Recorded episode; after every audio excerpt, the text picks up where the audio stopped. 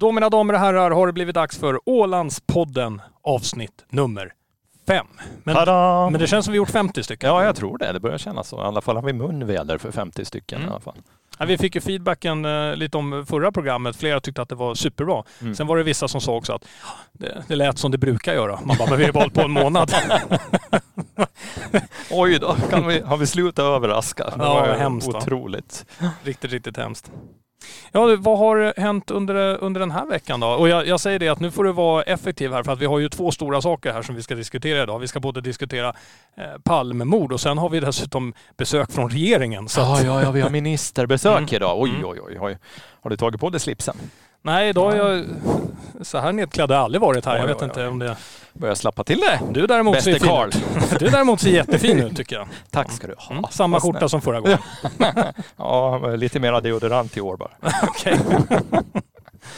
Jaha, nyheter den här toppen. Ja, för du berättade aldrig vad du gjort under veckan. Utan Nej, du vill, ha, du vill veta det också? Ja, jag försökte vara vänlig och säga, jag har fått Mm. höra här nu att jag ska intressera mig mer för andra människor. Programmet handlar inte bara om mig. Nej, okej. Mm. Ska jag berätta om jag? Nej, jag vet inte. Jag har väldigt mycket jobb faktiskt. Väldigt mycket jobb. Och sådär, så det är nog inte så roligt den här veckan för min del. Men däremot har jag varit på releaseparty av Viking Glory, eller vad vi ska kalla det.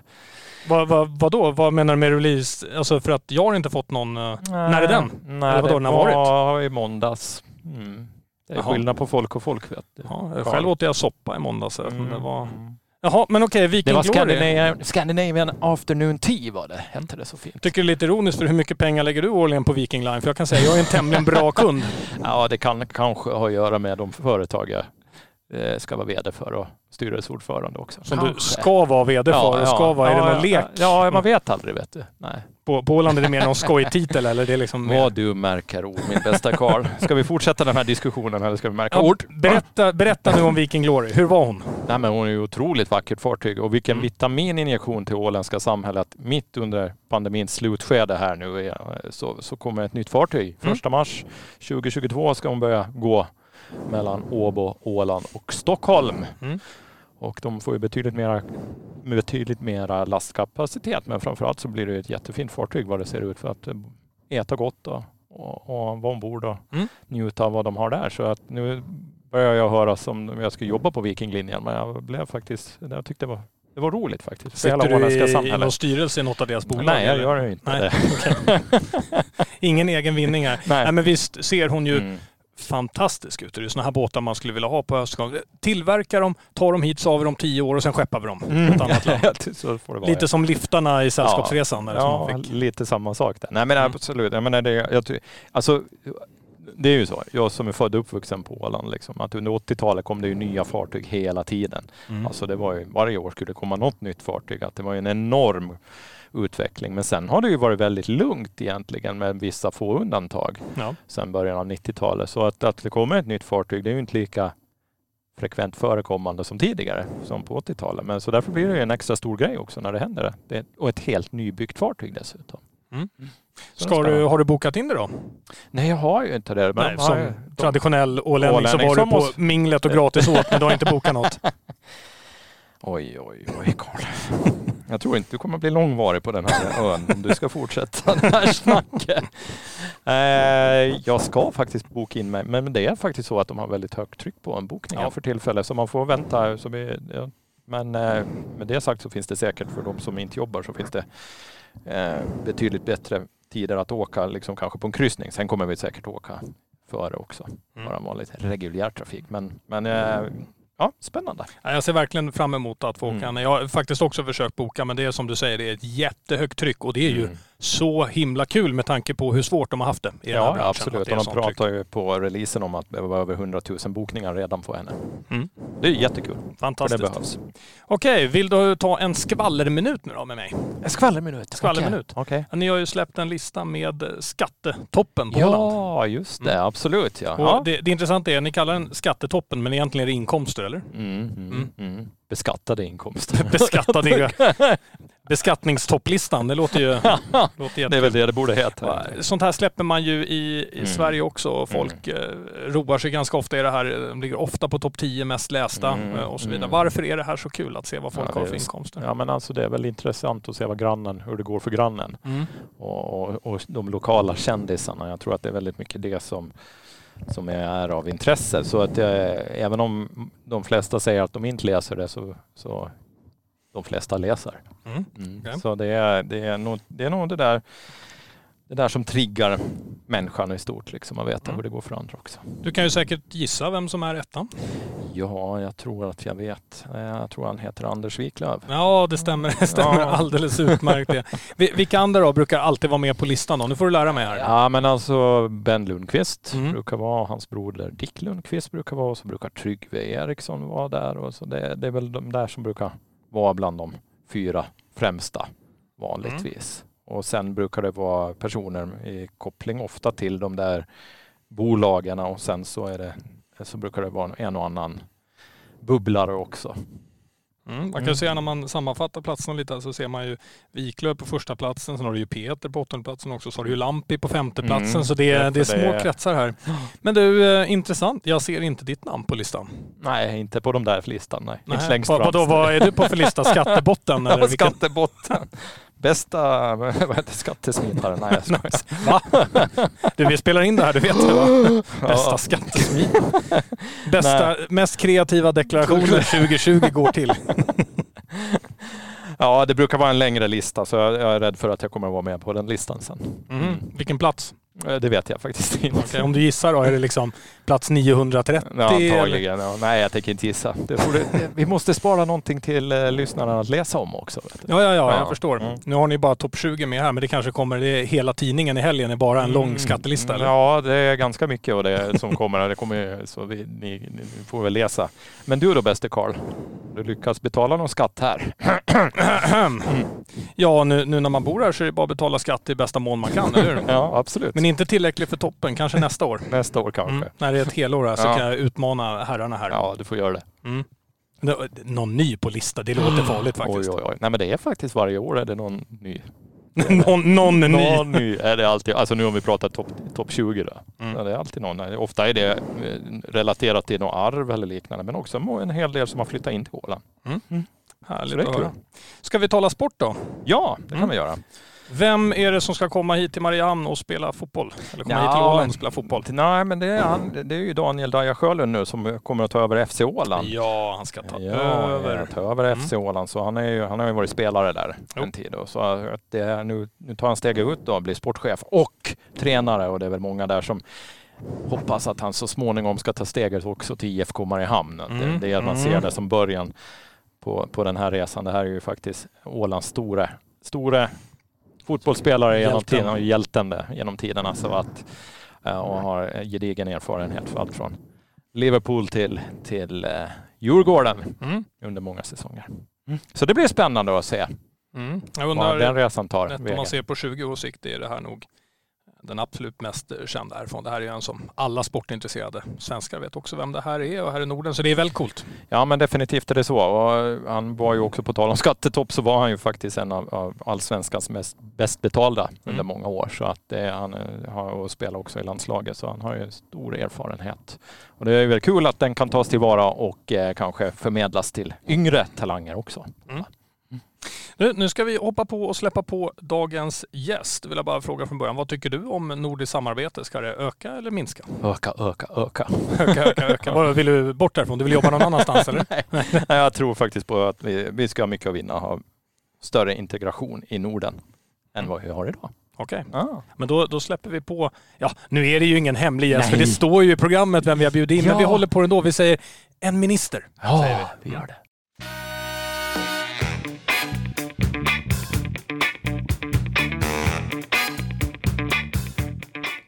Ja, då mina vänner har det blivit dag, är dags för dagens gäst. Det är ingen mindre än Anette Holmberg Jansson som vi hälsar välkommen hit till Ålandstidningens studio.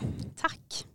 Det är så här att vi ska ju tala om nordisk samarbete Mm, eh, idag Daniel. Men Mm. man blir lite fascinerad. Det var som att på sekunden när vi bjöd in dig Anette, då avgick du också som ordförande i partiet. Och jag visste ju om det. Jag, så jag var lite sådär, får se nu om de kommer att ändra inriktning på diskussionen. Eh, nej, men så är det. Så är det. Mm. Men vi, vi kan liksom inte bara lämna det Daniel. Nej, det nu, nu ju måste du som chefredaktör här ställa frågor. Varför? Varför? ja. Vad är det som händer? Nej, men det är väl ett Mm. beslut som har växt fram. Mm. Jag eh, funderade, jag fick frågan i början på sommaren utav eh, Mika om jag har funderat något mera. Att han sa han blev ordförande i valberedningen och jag bara, ja, jo, men nu är jag så trött. Mm. För det hade, det hade, att inte säga att förra året och året har varit jobbigt Mm. och tufft för alla oss som har suttit i regeringen, det, det är nog kanske att, att gå med, alltså det är en underdrift. Ja. Eh, så jag sa, nej men jag är trött att jag låter det gå över sommaren så att jag får vila upp mig Mm. så kan jag ta ett, ett sunt och vettigt Mm. beslut sen Mm. efter sommaren. Men där kände jag att eh, nej, det, jag, eh, jag behöver eh, vi behöver stärka laget i partiet. Vi är ändå ett relativt litet parti. Mm. Vi är väldigt få som drar ett jättelass. Förra valkampanjen eh, så var det egentligen, ja, vi var väl två, tre stycken som, som gjorde hela arbetet men sen var det ju hela partigänget var ju med bakom det. Eh, och jag kände hur ska jag få det att gå ihop Mm. eh, vid nästa val? Eh, och sen visste jag ju att Ville ville väldigt Ja. gärna. Eh, och, och där kände jag att det här, det här kan bli jättebra. Och vi hade diskussioner med, med, med valberedningen att, och de sa ja, men vi, vi plockar inte bort Tage som gruppledare, då har vi Tage som gruppledare, Ville blir partiordförande, du, du fortsätter Anette som vice ordförande, eller hur? Mm. Det var liksom så här, ja men det, det kan jag göra, för det, jag tycker det är kul. Mm. Men jag känner att här, när vi gör så här nu så behöver jag inte, jag behöver inte axla allt det här ansvaret som man är som partiordförande. Mm. Så jag tycker att vi har kommit på en, en fiffig lösning. Mm. Ja. Ja, men vad skönt. Det låter fantastiskt. Jag tyckte den där var kul med att uh, Ville ville. Eh, Ville, ville, ja. Eh, är, är det så? Jag, jag får ju här, eh, Anette, vill ställa sådana här dumma frågor som Mm. nyinflyttad, så här, hur Mm. klimatet funkar. I Sverige är vi ju vana vid att den som får partiordförandeposten är den som säger nej tio gånger.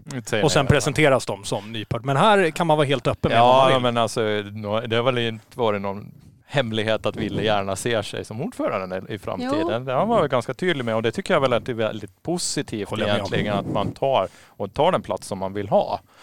Och, och liksom Men han har sig. också varit väldigt tydlig Mm. mot mig att Anette, jag kommer aldrig att utmana dig. Mm. Utan vi har haft en, alltså, Mm. så att, eh, men han är, vi har val på fredag. Ja.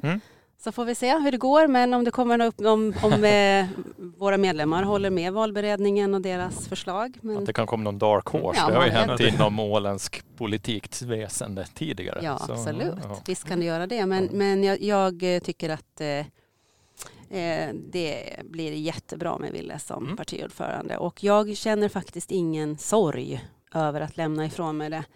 Det känns, eh, jag, alltså jag, jag brukar försöka förklara också det här med att vara, man ska ju vara mamma också någon gång. Mm. Och först har man långa dagar som eh, minister. Mm. Och jag har haft två ministerposter som har varit ganska, ja, det har ju varit väldigt mycket fokus på dem under det här året. Eh, eller åren snart. Men sen har vi, fick ju en sladdis, vi har ju en som är nio år hemma. Mm. Och sen har jag en, en 21-åring som studerar borta. Jag har eh, en äldre mamma vars eh, min bror nu har fått ta mycket av ansvaret för att och, och hjälpa till och så. Som det är när man är mitt i livet, man Mm. har äldre föräldrar, man har små barn, man har en karriär. Mm. Och nu tycker jag att jag hittar en bra lösning som gör att jag kommer att hålla ihop och jag tror att det blir en bättre mamma, Mm. bättre, bättre hustru kanske. Men också så tror jag att jag kan, jag, jag kan eh, fokusera mera på arbete i regeringen. Wow, det låter ju alldeles, Ja. ja, alldeles strålande. Ska vi... Ni köpte det? Ja, Vi köpte vi- det vi direkt. köpte Ja, det. vi tänker Jag är bara oroad för en sak när jag talar om det här fredagsmötet och att det kan komma en dark horse. Får vi Ja. tänka på att vi släpper här 8.00 på fredagar Ja, så det kan, programmet kan vara nedtaget till 9. Det kom någon annan. Då får vi lägga en disclaimer på slutet. Jag älskar att Anette säger att ja, ni köpte det där. Nu känns det som att du måste börja gräva lite. Ja, ja, det var någonting. Du får där. fundera någonting- till. Det var just därför jag sa det. Mm, mm, Ja, just. ja. Hon vill ha mera rubriker. Nej. Ska vi, ska vi tala om dagens huvudämne då? För Ja. det är i alla fall nordiskt samarbete. Eh, Mm. Du sa att din son han är iväg och studerar och jag har flyttat hit. Det är i alla fall ett tecken på att vi på något sätt här på Åland gillar nordiskt samarbete. Mm. Så pass mycket att man sticker ut i en helt nordisk undersökning, eller hur Anette? Det stämmer, vi sticker ut. Och eh, det tycker jag, i den här undersökningen så har man ju undersökt och sett hur eh, nordbor ser på det nordiska samarbetet. Men sen också hur vi har sett på hur man hanterar coronapandemin. Mm. Och där, där har vi lite annorlunda siffror än, än alla andra och det, det tycker inte jag är något konstigt egentligen. Med tanke på att vi är en ö och vi, vi lever ju mitt i det nordiska på något vis. Och Mm. om, om det då blir att du helt plötsligt måste börja på visa pass, Mm. du måste bevisa eh, bevis på att du äger en bostad någonstans. Du, du Mm. måste eh, ha intyg att du, att du har vaccinerat dig. Det blir väldigt konstigt. För den där gränsen mot Sverige bland annat, den har ju inte funnits. Det har inte funnits sen, egentligen sedan det här nordiska samarbetsavtalet Ja. som var i slutet av 50-talet. Alltså.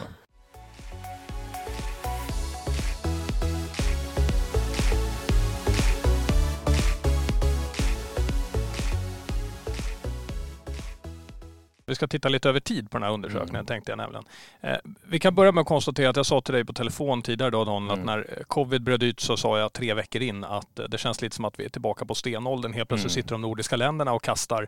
Uttrycket ganska mycket skit på varandra. Man talar mer om hur dåligt alla andra gör Mm. någonting istället för Mm. sin egna Mm. coronastrategi. Då kom redan signaler om att det nordiska samarbetet naturligtvis vacklade Mm. något i alla fall bland befolkningarna. Men nu vet vi också i statistiken Daniel, Mm. hur mycket har det, har det sjunkit tron på nordiskt samarbete? Hur många vill se ökat nordiskt samarbete i jämförelse med för några år sedan? Ja, alltså det beror väl på vilket land du tittar på det, men där har ju Finland kanske gått lite baklänges då i, i, som helhet och medan kanske andra länder har gått åt annat håll. Men det kan man ju väl rent generellt sett utan att gå in på siffror så är det inte så där jättelänge sedan Nordiska rådet gjorde en, en, en vad heter det, en, ett, man tittar på hur många som vill bli, vill bli en del, alltså att Norden ska bli ett eget land. Ja. Och då var det ju en, en stor majoritet av Nordens invånare som ville ha en sådan lösning medan politikerna inte var alls in, intresserade av det. Mm. Men jag menar mer samarbete i Norden så det var ju närmare 60 procent det som vill ha det. Mm. Nu, och, och jag tycker det ligger, och Åland då 77 procent så vi sticker ju verkligen ut. Men, men det, var, det är ju positivt ändå att man har en klar majoritet tycker jag. Mm. Men om vi börjar där, varför, varför har det här sjunkit i Norden tror vi, Anette? Procenten att man vill vara en, en del av det nordiska. Ja.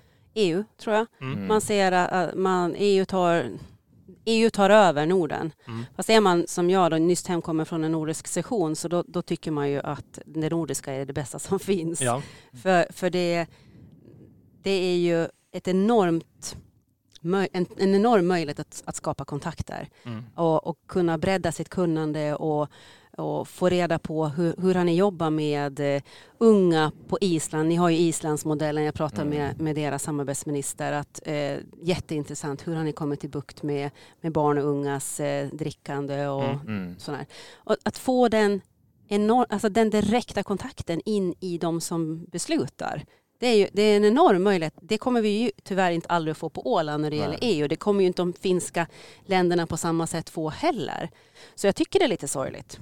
Att, men jag, jag tror att eh, EU är den som EU har gjort att det nordiska känns inte lika viktigt.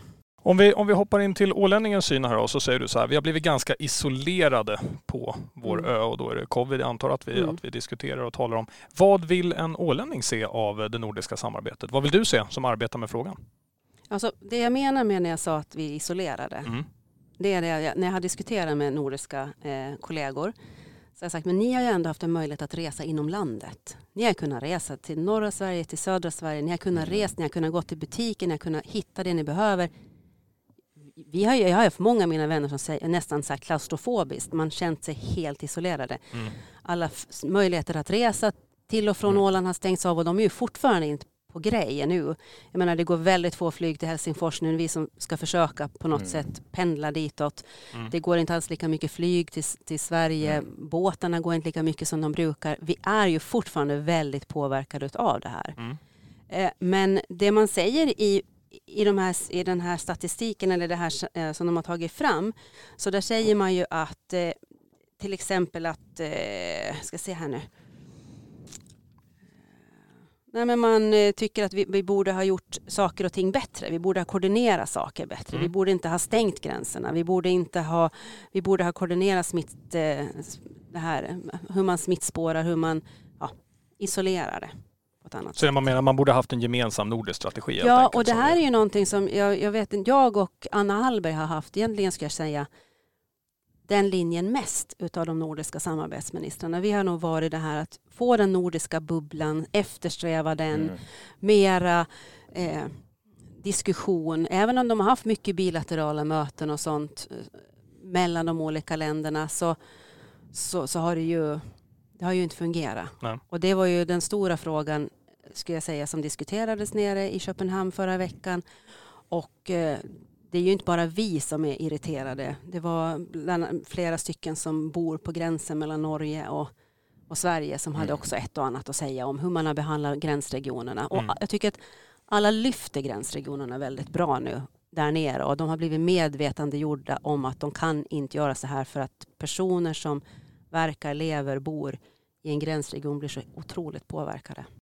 Norden ska bli världens mest hållbara integrerade region. Mm. Mm det är liksom en vision och den ligger inte så långt bort att den ska vara på plats och om vi ska klara det så, så måste vi ju nu faktiskt ta tag i det här och om två veckor ska mm. jag åka på en coronakonferens ja. till eh, eh, Färöarna och då är alla nordiska samarbetsministrar där och då är mycket av fokuset på just det här hur ska vi göra saker bättre.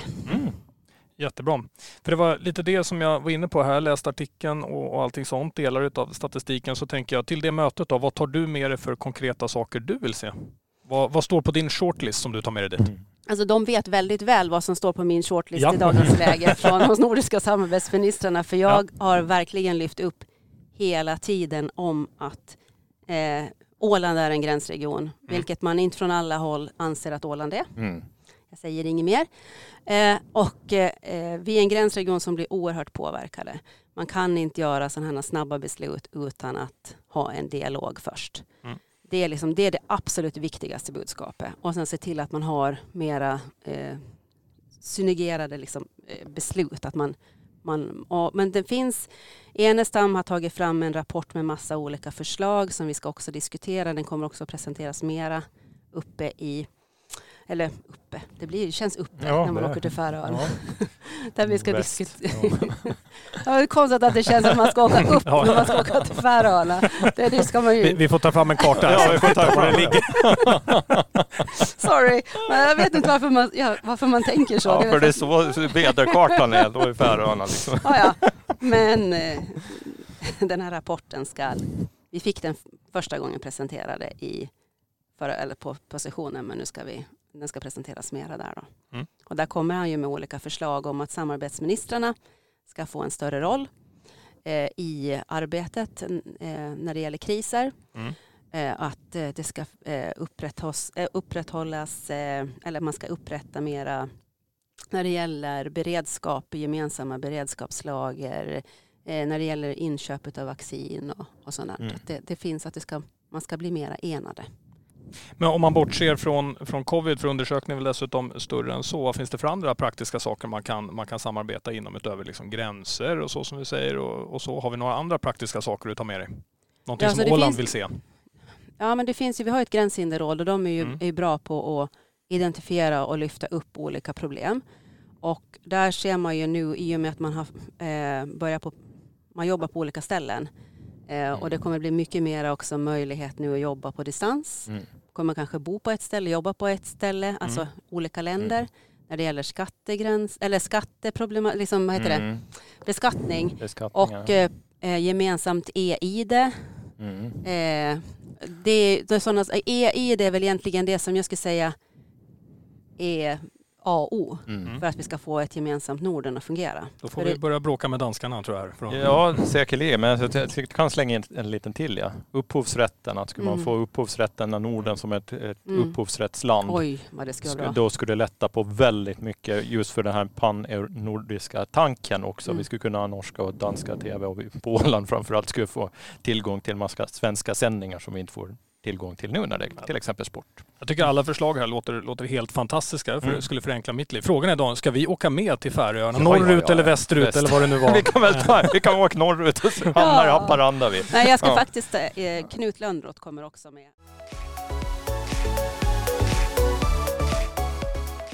En avslutande fråga till dig Daniel då. Om man nu Mm. tänker sig att vi hade haft ett nordiskt land, hur hade det sett ut?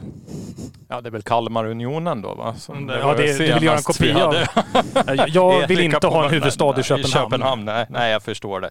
Nej, och det är kanske där på sådana punkter det egentligen kommer att falla sen allt det här. För var ska huvudstaden vara? Du vet ju bara att när Stockholm tog, vad var det, Capital of Scandinavia, Ja. så, och vilket liv det blev på eh, danskarna då. Och, och, sådana här. och sen den främsta eh, frågan är vad gör man med alla kungahus? Ja, men det har jag De får redan gifta på. ihop sig bara. Ja, men gi- gifta ihop sig och jag menar, det är ju självklart att den svenska kungen blir nordisk kung. Det är liksom en självklarhet här i ekvationen. Fast, alltså jag, håller- alltså jag tycker sådär, om man, om man tänker sådär så det är ungefär som vi tittar på våra kommuner. Exakt. Att man kan inte föra ihop kommunerna för vad ska man göra? Alltså Ja. du vet vad ska alla kommundirektörer göra? Men i de facto är det det att Sverige och, Sverige och Norge och Danmark kan väl vara, ha sina kungahus för sig. Mm. Men sen så ser man till att bara styra det praktiska tillsammans. Det är ju så man måste göra men, men det, det kommer ju inte att hända. Ja. Tror jag. Men jag man förstår måste, poängen, ni vill att kungen flyttar till Åland. Men... Han brukar ju vara här och, ute på, i sk- åländska skärgården, i alla fall förr, före pandemin. Ja. var han ute och körde båt. Så kanske, vem vet? Vi får se. Vi tackar till att börja med så himla mycket Anette för att vara med här i Ålandspodden och lycka till på resan och på mötet då som är om några timmar efter den här sändningen. tack.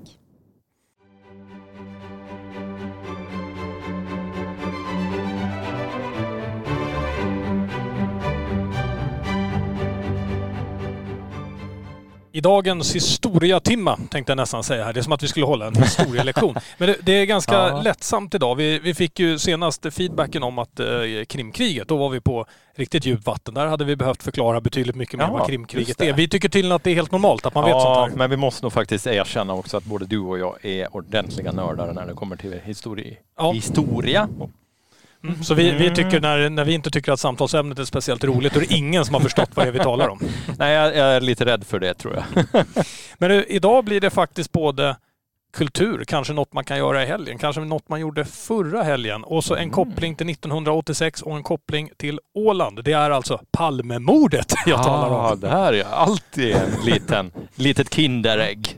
Det handlar ju om att eh, den 5 november så hade serien Den osannolike mördaren, byggd på boken Mm. som är skriven av journalisten Thomas Pettersson, premiär på Netflix med Robert Gustafsson i huvudrollen. Mm. Eh, Den här handlar ju då om teorin att det var den så kallade Skandiamannen Stig Mm. Engström. Man får säga hans namn Ja, eftersom absolut. åklagaren gick ju ut och sa vem det var. Som, Exakt. som man hade velat åklaga om han inte var död och inte Mm. hade för dålig bevisning. Ja, Eh, väldigt märkligt. Väldigt vagt och konstigt ja.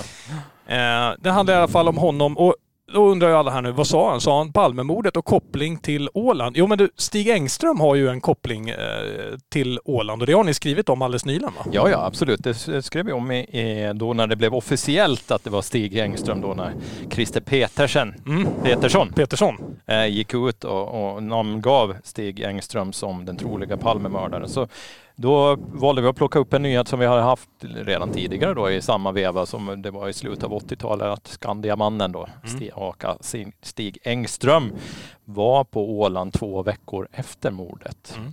Och eh, träffade en hel del och det var en hel del ålänningar också som blev förhörda av Hans Holmér i, i samband med det här då. Mm. Eftersom man antagligen letar, eller troligen letar efter mordvapnet också om det, om Mm. det ska ha kommit med hit till Åland.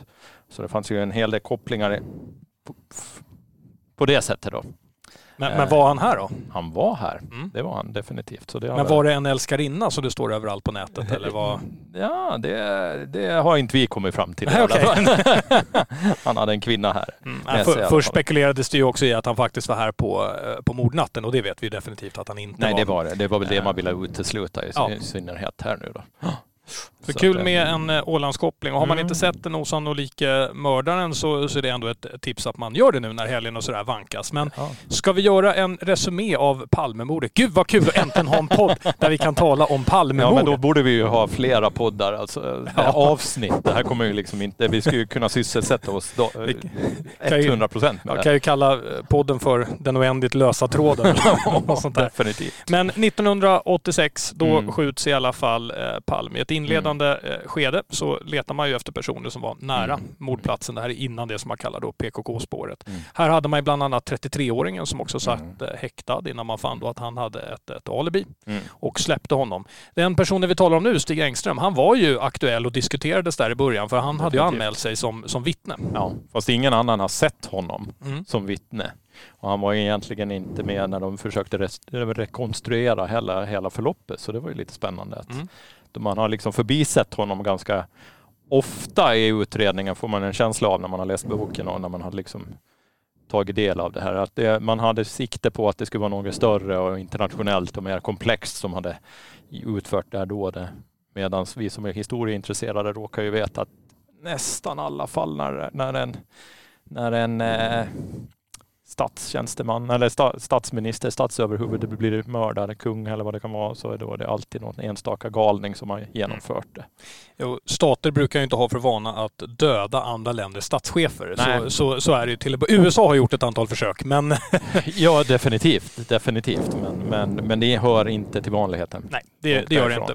Om då tar i det här inledande skedet då som sagt så undersöker man ju honom också, men det är samtidigt som det här som man då spökar in sig på PKK-spåret och det här du Mm. nämner med, med det större som egentligen då går i, går i graven när man Mm. gör sig av med, med Holmér ett och ett halvt år senare. Ja, det har ju Sydafrikaspår, allt, det finns en Ja, massa sådana. Det finns massor, massor av sådana Ja. spår och många av dem kommer ju på 90-talet också. Mm. Men efter det så är det ju Hans Ölvebro som tar över Mm. undersökningen. Mm. Och då blir det ju Christer Pettersson egentligen för hela slanten från 1988 Mm. fram till bara här om året. Ja, men definitivt är det så. Definitivt. K- Christer Pettersson då, det var inte han va? Ja, jag, personligen så tror jag faktiskt inte det heller. Nej. Även, eh, det är ju så mycket som är väldigt underligt med den här polisutredningen Ja. över, från början till slut. Att den känns mer politiskt driven många gånger än kanske po- polisdriven. Och, och jag menar det här bara med Christer Pettersson också, hur många förhör de måste ha innan de lyckades trigga fram att det, han, det var säkert Christer Pettersson. Bara en sån sak tycker jag Mm.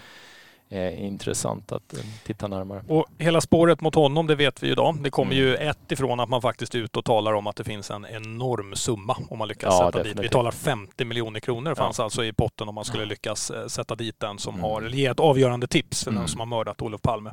Och där du säger att det tar massor av förhör innan man kommer Mm. fram till det. Det handlar ju om att ägaren utav nattklubben eh, Oxen, alltså Sigge Mm. Cedergren då, då Mm. eh, som, som tipsar eh, faktiskt om en rad olika mördare till Palmegruppen Ja. innan han når fram till Christer Pettersson Ja. i avsnitt 8 som han dessutom då känner väl, eller intervju Mm. eh, 8. Då börjar man jaga Christer Pettersson. Vet, vet du vad Christer Pettersson säger i, i första förhöret? Nej, upplys mig gärna. Eh, Man plockar ju in honom och säger Mm. att det har med Palmemordet att göra. Han säger väl något i stil med att men inte väl jag med det. Varför skulle jag skjuta honom? Det är ju typ en person som jag dessutom Mm. gillar. Liksom. Mm. Mm. Så, så att det låter ju oklart. Men han blir intagen och så frågar man då vad han har gjort mordnatten. Och säger ja men det glömmer man ju. Ingen glömmer väl var de har, var de har varit eller befunnit sig då Palme Mm. blev skjuten. Säger han att han eh, tog pendeltåget hem men somnade på pendeltåget. Mm. Jag gissar slocknade. Slocknade. Mm. Mm. Ehm, och vaknar på slutstationen och ska åka tillbaka hem igen. Mm. Men eh, det går ingen pendel på den utsatta tiden så han får sitta och frysa där flera timmar innan nästa pendel går. Och den här uppgiften kollar man och den stämmer. Då, Att det var, mm. det var faktiskt så att det gick ingen pendeltåg den tiden och det här var ju långt innan internet och allt så det var inte helt Ja. enkelt att få fram den uppgiften om man nu ska ljuga ihop det. Nej. Eh, och sen så har vi ju det viktigaste beviset de hade mot Christer Pettersson. Det är ju Lisbeth Palme. Vad är problemet där då? Ja, problemet är ju hela vittneskonfrontationen där att du egentligen hade bara poliser och Christer Pettersson plus att hon hade fått en massa information före. Mm. Att, att är- den de söker så är en, en alkoholist och, Mm. Och, och eh, ja, vad vi ska säga, han hade stora problem och, ja, och sen skulle den inte göras på rätt sätt utan hon fick väl se den via Video. video om Mm. jag kommer ihåg rätt. Ja. Så det är ju, så där skulle ju aldrig få gå till idag, hoppas jag. Men man blir ju lite mörkrädd. Ja, man blir lite mörkrädd. Och för övrigt då så Lisbeth Palme har ju aldrig pekat ut Christer Pettersson förrän han blir aktuell. Hon beskriver Nej. inte ens den här personen. Nej, och när man eh, första gången man förhör henne säger hon att det var två personer. Ja. Så redan här så låter det ganska orimligt allt, ja. allting. Och sätter man liksom allt i relation då, om vi tittar på Thomas Quick i ungefär i samma period mm. också, hur, de, hur man provocera fram erkännande och alltihop så blir man ju lite fundersam över hela polisens agerande och hur, vad, vad har man för etik och moral under den här perioden. Mm. Det kan vi säkert återkomma till också. Mm. Övertron på psykologi var väl ja, allmänt tema på 90-talet. Definitivt. Ja. Eh, men om vi, eh, nu ska vi hoppa till Stig Engström mm. nämligen, Skandiamannen. Mm. Eh, och då börjar vi med att säga så här då att Christer Pettersson, som de flesta då vet hur han såg ut, mm. ganska, ganska stor herre, alltså lång mm. mage och så vidare. Personen som beskrivs på platsen sägs då vara någonstans mellan 170 till 180 meter mm. lång. Han har en längre blå eh, jacka. Vissa beskriver ja. att den går till strax innan knäna, vissa till strax efter knäna. Man har också identifierat eh, från ett vittne som säger att han absolut hade en eh, handledsväska eh, och vi vet också att han hade en typ av keps. Så det roliga i det här då är att det här är som en beskrivning då just hur Skandiamannen såg ut och den här handledsväskan är ju, mm. är ju väldigt eh, unik då i sitt slag. Ja. Så det här är ju det första som man får ut ifrån vittnena som var där på plats, att så här såg förmodligen mördaren mm. ut och det är likt Stig Engström. Och då började egentligen intresset igen att, att komma till liv här i slutet på mm. 2000-talet och man började forska mer in i hans liv. Vad, vad säger han att han har gjort då på platsen? ja. vilken, det finns ett antal vilken, olika versioner ja, nämligen. säga det. Vilken ska vi välja? I ena stunden så säljer, säger han att han liksom är med och räddar Olof Palme. I andra mm. stunden så är han med och visar vägen och försöker styra upp här för de var ju så kaotiskt allt. Och i den andra stunden så säger han att han samtalar med Lisbeth Palme. Mm. Vilket, och ingenting av det här stämmer ju när, man, när andra vittnen får säga sitt heller. Och, och Plus det faktum att ingen har sett honom på platsen heller. Precis. Så att det, det, alltså, det är väl bara så att han är, ett, är han en notorisk lögnare eller så är det han som har gjort det. Det finns nog inte någonting där mitt emellan heller. Nej.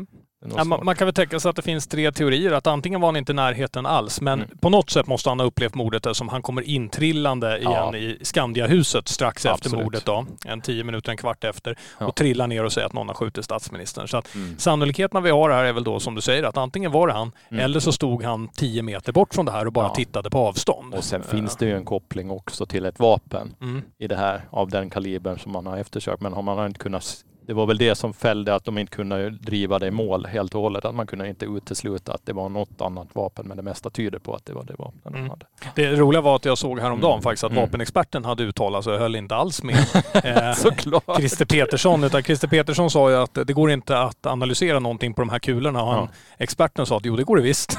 Så undrar hur säkert det där, det ja. där var. Men tror du att vapnet finns på Åland då? då? Är det din, eh, är det, är det den slutsatsen du drar ja, av artikeln? eftersom här? Åland är så vapentätt så antagligen ligger det här också. Åland, mittpunkten för allting. Ja men självklart. Och du ser, det finns alltid en Ålandsanknytning oavsett vad vi pratar i världen. Jag, lovar dig det. Okej, okay, ja, det, det, ska jag fundera på på alla kommande ämnen. Ja men gör det. Avslutande fråga då. Var det Stig Engström? Ja, men, ja, jag kanske påverkad av tidens eh, anda för tillfället. Men för tillfället är det ju det mesta som tyder på det. Okay. Tycker jag. Vad mm. tror du själv då? Nu är det helgspaning. um, ja, alltså eh, nu, nu, det här skulle kunna vara en utläggning som är hela ja, programmet ja, ja. här nu. Men även problemet som finns här med hela Stig Engströms fråga är att man har ju haft väldigt svårt att hitta ett motiv. Mm. Eh, och motivbilden har ju genomgående genom hela den här utredningen mm. varit ett väldigt stort problem och det beror på att man har ju sökt på alla håll så att det är svårt att hitta ett motiv. Ja. Och Stig Engström hade man svårt att hitta ett motiv för. Vad är det exakta motivet? Mm. Det andra är såklart att det finns inget vapen som knyter honom. Det tredje är såklart det här med, med tiderna. Att det är väldigt mycket sannolikheter och slump. Han ska alltså mm. ha gått ut tidigare på kvällen. Han satt och jobbade sent på mm. Skandia. Mm. Sen har han ju då gått ut för middag eller som de sa, druckit middag, mm, mm. Eh, förfriskat sig på stan någonstans. Och då eh, bör han ju då tidsmässigt så kan han ha sett Olof och Lisbeth då, då som har gått in på, på mm. biografen, biografen mm. Grand som de då gick mm. på. Sen har han gått tillbaka till mm. Skandia då enligt teorin. Sen har han smitit ut en bakdörr och mm. hämtat vapnet. Eller alternativt eh, så har han haft vapnet på, på sitt rum. Mm. Men sen när han går ut här från Skandia, det, det, det är en enorm slump här nu för att om du inte minns helt fel här så byter ju Olof Palme och Lisbeth byter ju sida av gatan. Ja. Eh, De går ju på norra sidan utav Sveavägen hela vägen. Sen Mm. korsar de på slutet för att Lisbeth vill kolla i en, i en butik eller genom Mm. butiksfönster. Och det här är ju då eh, 20-30 meter framför tunnelbanenedgången då, på södra Mm. sidan av Sveavägen. Och sen fortsätter de gå och då ska ju alltså turen då ha kommit här från den här herren att han har gått ut Ja. genom porten här någonstans 23.19, 23.20 det där Mm. diskuterar man ju lite om.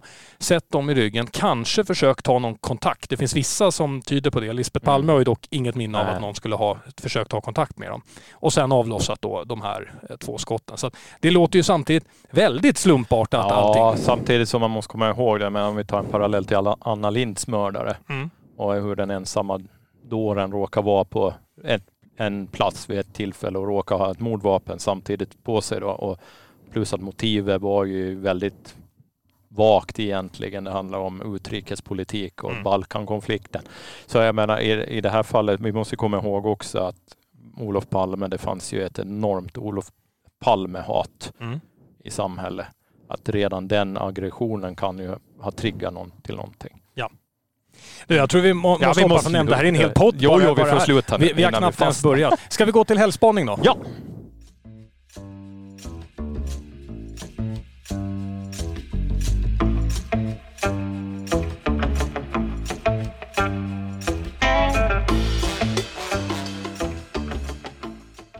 Ja, helgspaningsdags då. Till att börja med den här första som jag tycker är, den här är riktigt rolig. Det är en utställning, Nordisk åländska. Vad, vad är det för något? Var kan jag gå på det?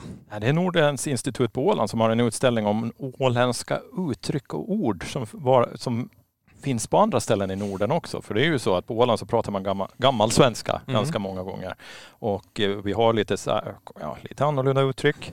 Och det har visat sig att de här uttrycken också finns på annat håll. Då. Ja. Och det är Ralf Sven, Svenblad då, som har forskat i det här och det ställs nu ut. Då, så då kan man gå och kika på det. Ge ett exempel på ett ord. Oj, jag, nu tog du mig på bar gärning här till exempel. Jag, jag, jag, jag har inte i huvudet. Du Fasen behöver alltså. gå på utställningen man. Jag behöver gå på utställningen. Ja, vi har ju haft det här i tidningen också så jag har ju läst det. Men, men minne är kort, uppenbarligen. Men det var flera ord där som jag tycker också man hittar på annat håll. Som var, det var ju liksom ett, väldigt spännande också. Att, och ganska långt härifrån också. Det visar ju det faktum att, jag menar, att man pratar ju samma språk ganska länge inom Norden under en längre period också. Det var ju först eh, under medeltiden som det började splittras upp i olika dialekter på ett helt annat sätt än vad man Vet att språkforskningen idag är ju sådan att Mm. dialekterna kommer ju så småningom dö ut om vi fortsätter med den Mm. språkutvecklingen Mm. vi har. Och om jag inte minns fel nu så läste jag att Danmark är alltså bara 100 år ifrån det. Att då är dialekterna borta. Men, men å andra sidan, det låter väl som en Ja, men- stor gröt. Eller Alltså vad? du har alltid, det är någonting med Danmark och dig den här gången. Nej, men jag, jag älskar Danmark eftersom man är så otroligt ärliga. Jag älskar den här sketchen också som, som finns med vad tv-program heter i, i Danmark. Men den Ja. roligaste med det är ju fortfarande att Antikrundan på allvar i Danmark heter Vad är den värd? Vad är den värd? Vad är den värd? Vad är det? Ja, nu tänkte nu höll det på att komma något annat också konstigt, men det ska vi inte säga. På, för jag kan en massa uttryck, men de är inte precis rumsrena. Eller, så Och att sen kommer jag ihåg att den där sketchen fortsätter så här med påhittade med typ att Fråga doktorn heter Du ska dö. man, man har en, en mycket, mycket mer rak dialog. Så jag, jag gillar Danmark vill jag säga. Och Ja. jag har ju faktiskt varit på fest i Danmark med Piers Brosnan. Har du det? Jaha, nej, jag, jag, var, jag har varit på Viking Glory. Ja. Ja, du var på Och Viking titta, Glory. ja. Så- Var Piers Brosnan där? nej, men jag tror att hans kusin var där. Hans, hans kusin var där. Ja, Per Brossman. Okej. Ja, vi slutar nu. Den var, ju- den var ju, shit, den satt ju bra den där. ja, jag, jag, jag förs- nej, det gick ju bra, inget bra bra. höjd. Bra ja, höjd. bra, bra höjd och väldigt Du, roligt Det är skämt. ju du som har skrivit listan den här gången och då Mm. undrar jag, då har du skrivit som nummer två här som händer i helgen, då har du skrivit Mårten Gås. Firar ni det här eller? Nej, ja, det finns de som gör det. Och de har ju ute på Björnhövda gård så har de Mårten Gås i helgen för den som är intresserad. Jag vet att de brukar ha ganska mycket med folk där. Så det är väl lite spännande. Men samtidigt så, så, så är det väl inte så jättemånga skåningar som bor på Åland.